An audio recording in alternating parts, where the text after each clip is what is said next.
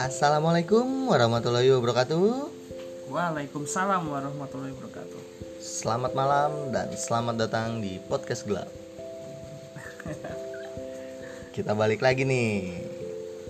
Ini menyambung dari episode sebelumnya. Ya, Kita masih ngebahas teori konspirasi dari presiden pertama kita, Bapak Insinyur Soekarno. benar sekali. Ya nggak nih? Benar. Nah, jadi gini, ini kan di episode sebelumnya itu gue udah ngebahas ya kurang lebih tentang kesaktiannya Mm-mm. atau tentang kayak rumor-rumor yang dia masih hidup atau gimana, iya nggak? Mm-mm. Nah, Benar. di episode kali ini gue juga kemarin sempat ngeliat nih, nih Mm-mm.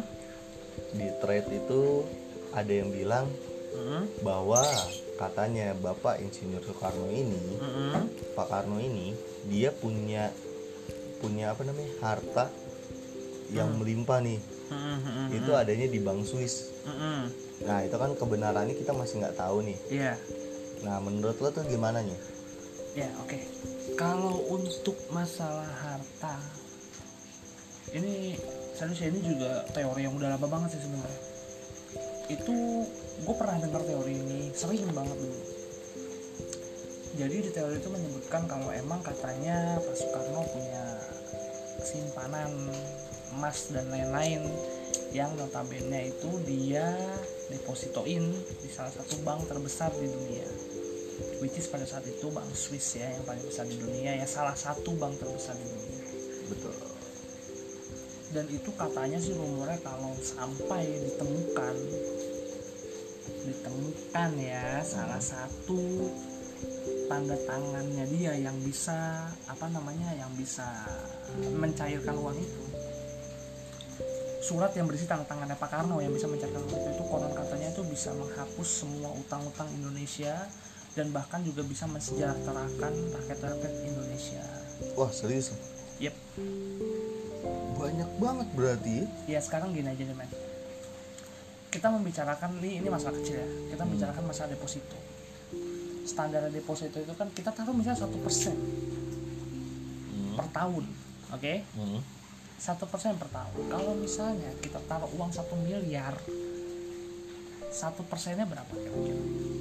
Ah, tolong jangan suruh saya memikir. Sekitar 10 juta, Oke, satu miliar. Mungkin nggak kekayaan Pak Soekarno cuma satu miliar? Nah, kayaknya enggak sih. gimana kalau satu triliun gimana kalau 10 triliun gimana kalau 1000 triliun kita nggak tahu karena kan nggak mungkin nggak nggak cuma berupa uang tapi emas permata dan lain-lain dan itu didepositoin itu dari tahun berapa Nggak ada yang tahu sih. entah itu dari tahun 40 tahun 45 tahun 50 tahun berapa sampai sekarang Hmm. kira-kira bunga depositonya aja udah berapa Wadaw. Bener nggak Betul. nah, itu logikanya aja Ya berarti kurang lebih udah 70 tahunan nih. ya I know maybe mungkin mungkin sekitar segitu Baik. Pantesan aja ya orang-orang itu bicarain harta kekayaannya beliau. Mm-mm, benar dan konon katanya ini Hmm. konon katanya nih ya Oke. ada salah satu eh, oknum yang memanfaatkan ya Hmm. memanfaatkan nama besarnya beliau untuk masuk ke ranah politik untuk mencari hal tersebut Itu rumornya kan gitu ya. rumornya yang beredar seperti itu Ya kalian kawan gelap mungkin sudah tahu lah ya tanpa kita sebut namanya. nggak perlulah kita sebutin ya karena udah pada tahu lah ini menarik sih menarik sih menarik Mm-mm. banget serius Ya, ya kan gue juga mau nyambung dari yang kemarin nih. Mm-mm. Nah, itu ya bener sih kan gue juga udah cek-cek lagi nih ya. Nah, Mm-mm. habis kita pertemuan di episode kemarin itu gue juga sambil cek dan gue baca itu katanya Pak Soekarno waktu itu ke Jepang. Mm-mm. Ya, kan lu udah bahas tuh di episode kemarin. ya Dia ke Jepang tanpa ada orang yang tahu bahwa dia pergi ke sana. Mm-mm. Dan pada saat itu juga dia tiba-tiba kan ada di Jepang udah dikawal sama Yakuza yang lu bilang kan Mm-mm. orang Jepangnya sendiri pun nggak ada yang tahu benar nah itu menurut gua gue baca itu gue cari gue cari-cari tuh ternyata ya benar sih Mm-mm. kayak gitu kejadiannya Mm-mm. jadi kalau dibilang nggak cuman sekadar sakti doang nih Mm-mm. beliau tapi juga pinter juga ya Oh jelas. Ya gimana ya? Jadi pada saat itu kan eh, Pak Soekarno itu kan notabene dia amat sangat dekat ya dengan pemerintahan Jepang pada saat itu ya dengan kaisar Jepang yang perdana menteri lah perdana menteri Jepang yang pada saat itu sedang menjabat dia deket lah Pak Karno. Jadi yang membuat bingung itu gini, lu kan temen deket kasarnya ya, Hmm. lu kan temen deket gua, kenapa lu kok mau ke negara gua lu nggak ngomong, lu ini petinggi negara lo, ini lu begini lo gitu kan. Mungkin pada saat itu udah ada pesawat yang yang yang yang, yang memungkinkan dia untuk ke sana dengan pesawat. Cuman ada satu kisah yang wow, wow, man, wow. apa nih apa Iya. nih Jadi pada Bisa. saat itu segini, eh, Pak Soekarno pada saat itu ingin mena- ingin eh pengen pidato, Mm-mm. pengen pidato dan menandatangani menandatangani beberapa dokumen, Mm. which is itu adanya di daerah Cirebon, Cirebon Cirebon Bandung, Cirebon Bandung lah antara itu lah ya, Hmm. Cirebon Bandung Garut antara itu. Posisinya dia pada saat itu lagi ada di Jawa Tengah, daerah Jawa Tengah, pada saat itu beliau lagi di Jawa Tengah nih lagi ada di daerah Jawa, eh Jawa Timur, Jawa, Jawa Timur maaf maaf maaf. oh Jawa Timur pada, pada saat itu beliau lagi ada di Jawa Timur. Pada saat itu beliau dikasih tahu, dikasih kabar itu sudah pukul 9 malam mau ke jam 10 lah. Mungkin 9.45 atau setengah 10 malam gitu ya. Kalau besok pagi jam 7 dia harus udah pida- udah udah, udah harus pida- bisa pidato di sana. Mm. Itu pun banyak banget pengawal dia yang ngomong ini nggak mungkin bisa di reschedule nggak ya karena kan pada saat itu belum ada kereta super cepat, belum ada tol, belum ada apa, belum ada akses yang memungkinkan dari Jawa Timur sampai ke daerah Jawa Barat itu bisa ditempuh dalam waktu ya, mungkin sekitar 7 jam atau 8 jam bahkan untuk sekarang pun gue juga nggak begitu yakin sih sebenarnya kalau bisa ditempuh 7 atau 8 jam dari Jawa Barat ke Jawa Timur ya. Mm. cuman anehnya pada saat itu Pak Karno udah bisa ada di lokasi itu tepat pukul 5 pagi. Eh, jadi dia dikabarin. Hmm. itu sekitar jam setengah sepuluhan lah ya. Mm. ya kita bulatin dah jam 10 ya jam 10 lah. Dikabarin. Dia nyampe itu di sana jam 5 jam 5 pagi. 7 perjalanan. Pakai apa? Itu zaman itu loh ya. Tahun 40-an lah. Mungkin ada mobil kalinya ya. mobil udah ada. Cuman gue nggak yakin mobil itu bisa nempuh kecepatan 100 km per jam ya. Kan pada saat itu udah ada tau belum? Sebelum belum ada lah jelas. Gokil juga berarti Pak Karno ini. Mobilnya juga masih mobil oplet doyok tau nggak? Pinjam doyok. Yang Oh. dipukul balik lagi tuh. Iya dipukul ngelawan mobilnya. Yang kalau nabrak rumah rumahnya yang hancur. Besi semua kan badan iya bener. enggak enggak belum nyampe situ juga. Mungkin mobilnya masih mobil-mobil tua banget lah. Hmm. kereta udah ada tapi kereta lambat mungkin ini bener-bener kereta api yang bener-bener pakai batu bara mungkin. Iya. Secepat-cepatnya kereta juga Nah. zaman dulu nih. Nah nah waktu karena itu pada saat itu Hah? Pak Karno itu udah udah udah ikut sholat apa sholat subuh berjamaah di masjid situ. Oh sempet dia sholat subuh Kan sholat subuh di sana. Makanya itu yang jadi yang jadi perdebatan. Kok bisa? Itulah beberapa ya sebenarnya masih banyak sih eh, kesaktiannya Pak Karno. Ada ya banyak lah kalau nggak nggak mungkin disebutin satu-satu lah ya. Hmm. yang dibilang merogoh ya kan? Yoi. Eh, yang ya dia punya merah delima punya usi kuning dan lain-lain lah iya ini sih salah satu yang membuat gua jadinya tuh dalam tanda, tanda kutip ya, percaya nih Mm, mm, tentang keberadaannya beliau pada saat ini mm, mm. Nah, karena yang kita ambil aja ya rata-rata sih orang dulu itu sakti-sakti. ya Susah kalau kita pakai logika pun susah dijelaskan dengan logika juga. jelas Kita bingung ya kan. Mm, mm. Jadinya gimana ya? Ya gua sendiri pun langsung ya karena gue juga baca-baca itu jadi kayak sedikit percaya lah. Gue bukan sedikit sih lebih percaya banget kalau dia memang nantinya tuh ada. Tapi Allah alam sih kita juga Iya, nggak yang tahu. Benar. Gue percaya sih karena ya ya itu benar-benar men. Karena orang zaman dulu itu nah, yang emang pintar-pintar ya kita kalau tarik yang ke dulu banget kan ada yang pembangunan piramida Mesir itu kan Gaza itu bagaimana caranya terus yang gunung-gunung piramid yang ada di Indonesia yang katanya artefak yang jauh lebih kuno dibanding piramida Mesir? Iya bener Gunung Padang. Bagaimana caranya Gunung Padang? Benar Gunung Padang? Bagaimana caranya? Iya. Sedangkan Indonesia itu dulu kan negeri yang apa ya yang bener-bener ter, terbelakang banget kan kasarnya ya? Iya sih. Tapi di- bisa bisa bangun itu gimana caranya? Kan banyak kan spekulasi yang menyem- yang merebak kayak begitu. Jadi kalau untuk apa yang bahkan bahkan keris. Keris. Keris saja masih jadi per, apa masih jadi perdebatan serius. Pada zaman itu pada zaman dulu zaman kerajaan bagaimana dan alat apa yang bisa dipakai oleh orang-orang Indonesia untuk membuat keris? Belum ada teknologi yang bisa buat keris pada saat itu. Otomatis kan harus bener-bener di bengkok dibengkokin pakai tangan mungkin ya sama tempa besinya iya sih. Iya ya pada intinya orang-orang dulu tuh sakti lah ya. Sakti men. Bahaya. Ya kalau dwarf bener-bener ada kan ya mungkin yang membuat dwarf ya kan? Iya orang cebol. Tuh Relatable. orang cebol juga sakti memang. Depak terus. Banyak banget sih apa kesaktian kesaktian Pak Soekarno. Cuman ya itulah yang yang bener-bener menarik perhatian dunia ya jelas tongkat peci dan karismanya dia sih emang sih. Jangankan lihat langsung ya kita ngelihat dari fotonya aja tuh bener-bener karismatik banget gitu. Bener bener serius. Dari foto-foto yang suka dipajang atau gimana. Hmm. itu kalau kita lihat mukanya beliau tuh lebih gimana ya enak dilihatnya adem. Terus karismatiknya tuh ada. Itu di foto loh gimana Hmm. lu ketemu asli itu Wah, kan main itulah kenapa dia sampai dijuluki pangeran ya. Kan iya Soalnya Marilyn Monroe loh itu artis terbesar di dunia pada saat itu kan. Iya. Dia aja bisa julukin pangeran. Terbaik. Nah ini ada satu lagi nih. Apa nih yang menarik. Ada teori yang menyebutkan katanya Naruto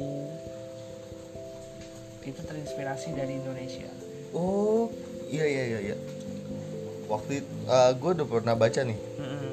gue baca nih ini sedikit mirip bahkan mirip banget mm-mm. setelah gue telaah telaah anjay telaah setelah gue apa ya gue baca baca gue gue sama samain lah sama Indonesia itu sama iya katanya Naruto itu kan memang mirip gitu atau kayak kayak diadaptasi dari Indonesia nih Mm-mm.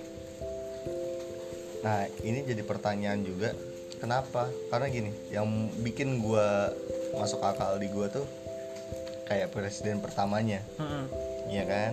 Itu sama kayak kalau di Naruto adanya namanya Hokage Mm-mm. Hokage pertama Itu sama Mm. Laki Terus ada Hokage kedua Juga sama Iya Laki-laki benar Ketiga pun masih laki-laki Dan yang keempat juga laki Kelimanya perempuan nih Sama nih kayak presiden kita Presiden kelima Ibu Megawati itu. benar sekali Nah, presiden keenam laki lagi, ketujuh laki lagi. Mm-mm. Nah, ini menurut lo gimana nih? Kalau dari gue sih, ya gue percaya nggak percaya ya. Mm. Cuman, ya sama gitu. Apakah ini sebuah kebetulan atau memang diadaptasinya dari kita? Mm-mm. Gitu.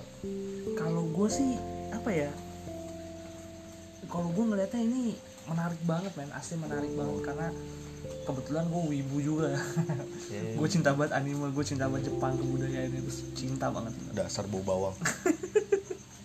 wibu bau bawang gue cinta banget gue cinta banget kebudayaan itu dan gue juga pertama kali gue ngeliat thread ini tuh waktu itu gue sempat baca threadnya kan Hmm. dah anjir emang bener-bener mirip banget men ya, Iya. sekarang kita ngomong hasil nama Senju nih Hokage pertama Hmm. dia pendiri pendiri.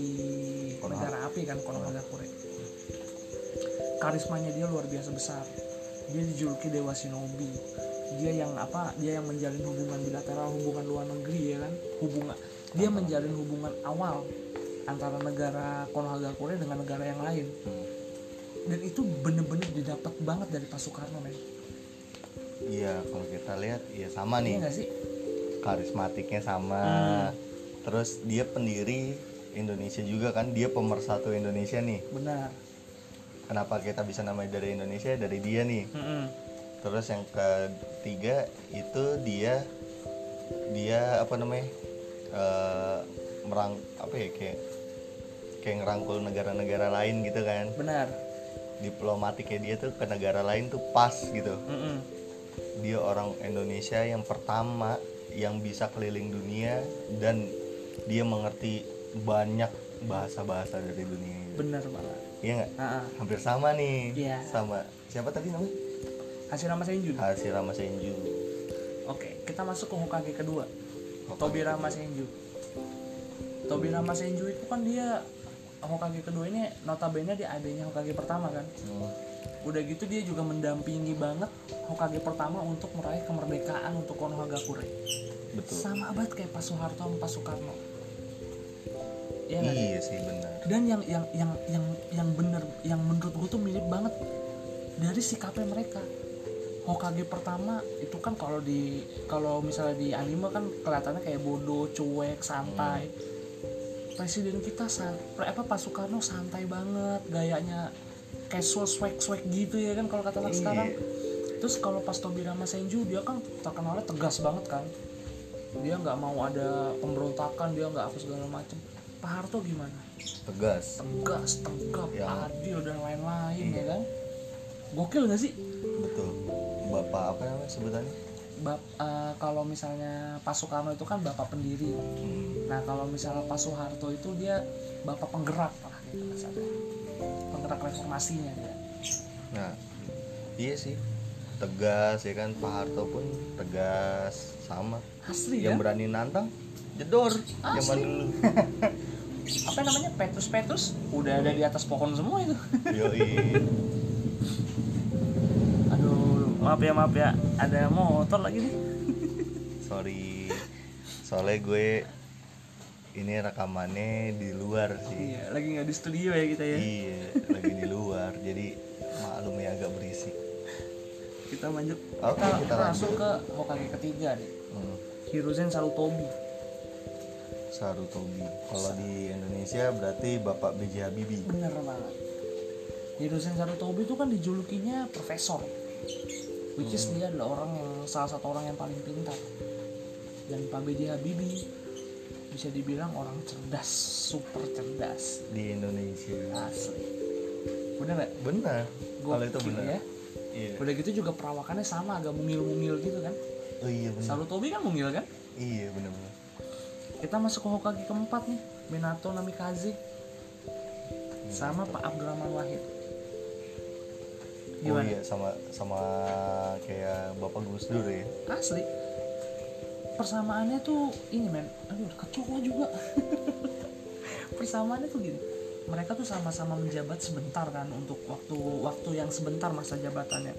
Ud- tapi mereka meskipun sebentar dua-duanya itu punya kontribusi yang besar banget sama negaranya Hmm. udah gitu juga keduanya tuh karakter yang humoris terus nggak tegang yang yang santai juga gitu ya kan Iya benar sih.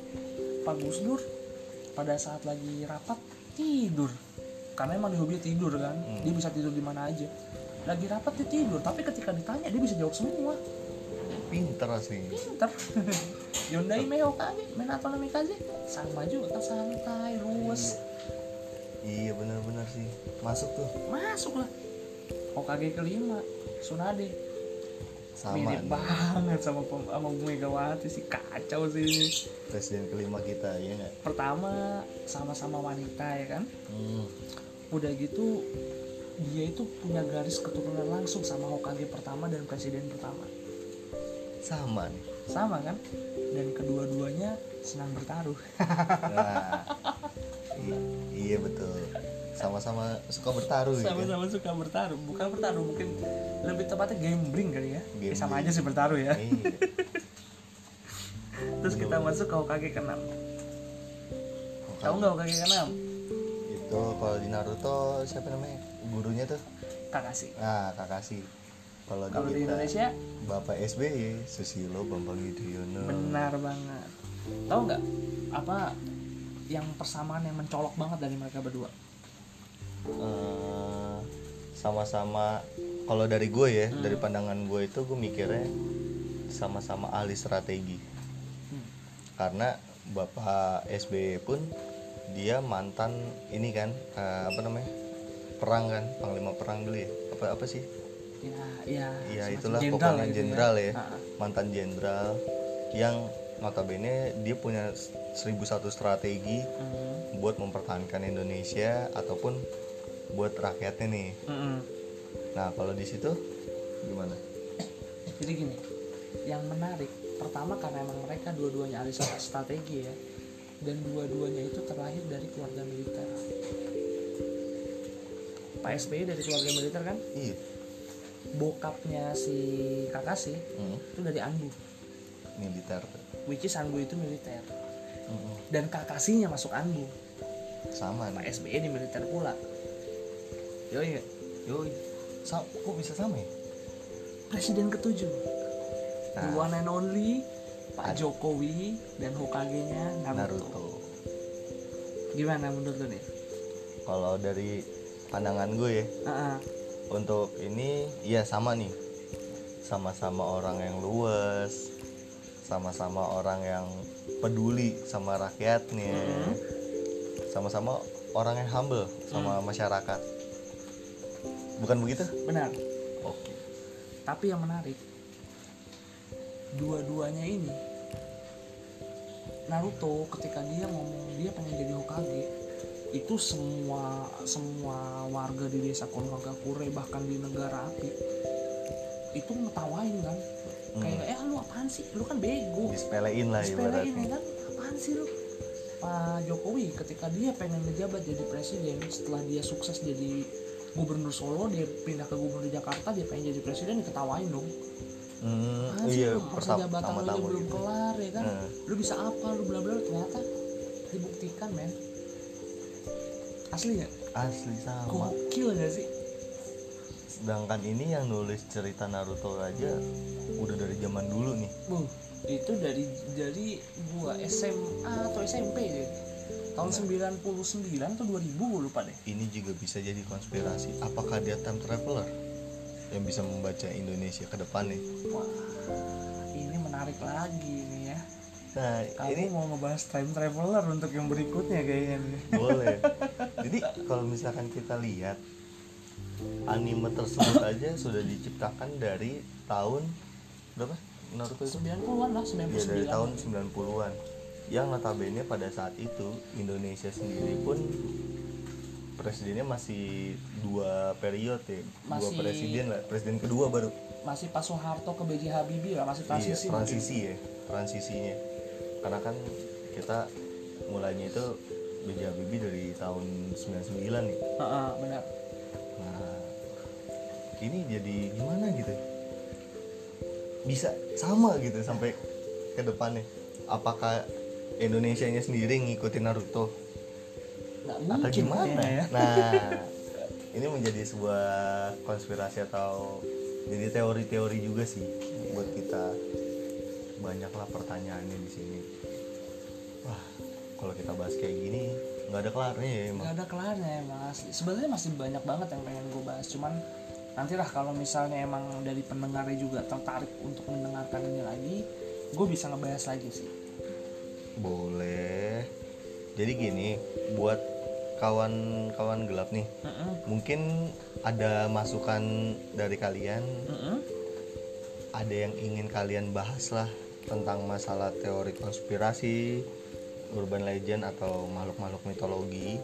Kalian bisa langsung aja nih DM di IG-nya @podcast.gelap Heeh. atau kalian bisa langsung email aja di gelapdah.gmail.com. Boleh.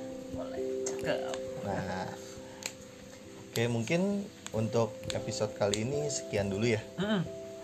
karena di next week kita bakal bahas-bahas yang lebih seru lagi nanti. Pastinya. Ya, jadi buat kalian kawan gelap tetap stay tune ya di Spotify kita. Jangan lupa di follow untuk Spotify, Heeh. Instagram kita juga di follow. Eh, Instagram lo apa nih? Oh iya, kalau untuk gue itu @putraaditya yang A-nya dua. Cakep. Kalau gue di @sonyWM. Oke. jadi kalian bisa follow di Instagram kita ya nanti mungkin sekian dulu gue Putra pamit Gua Sony pamit. selamat malam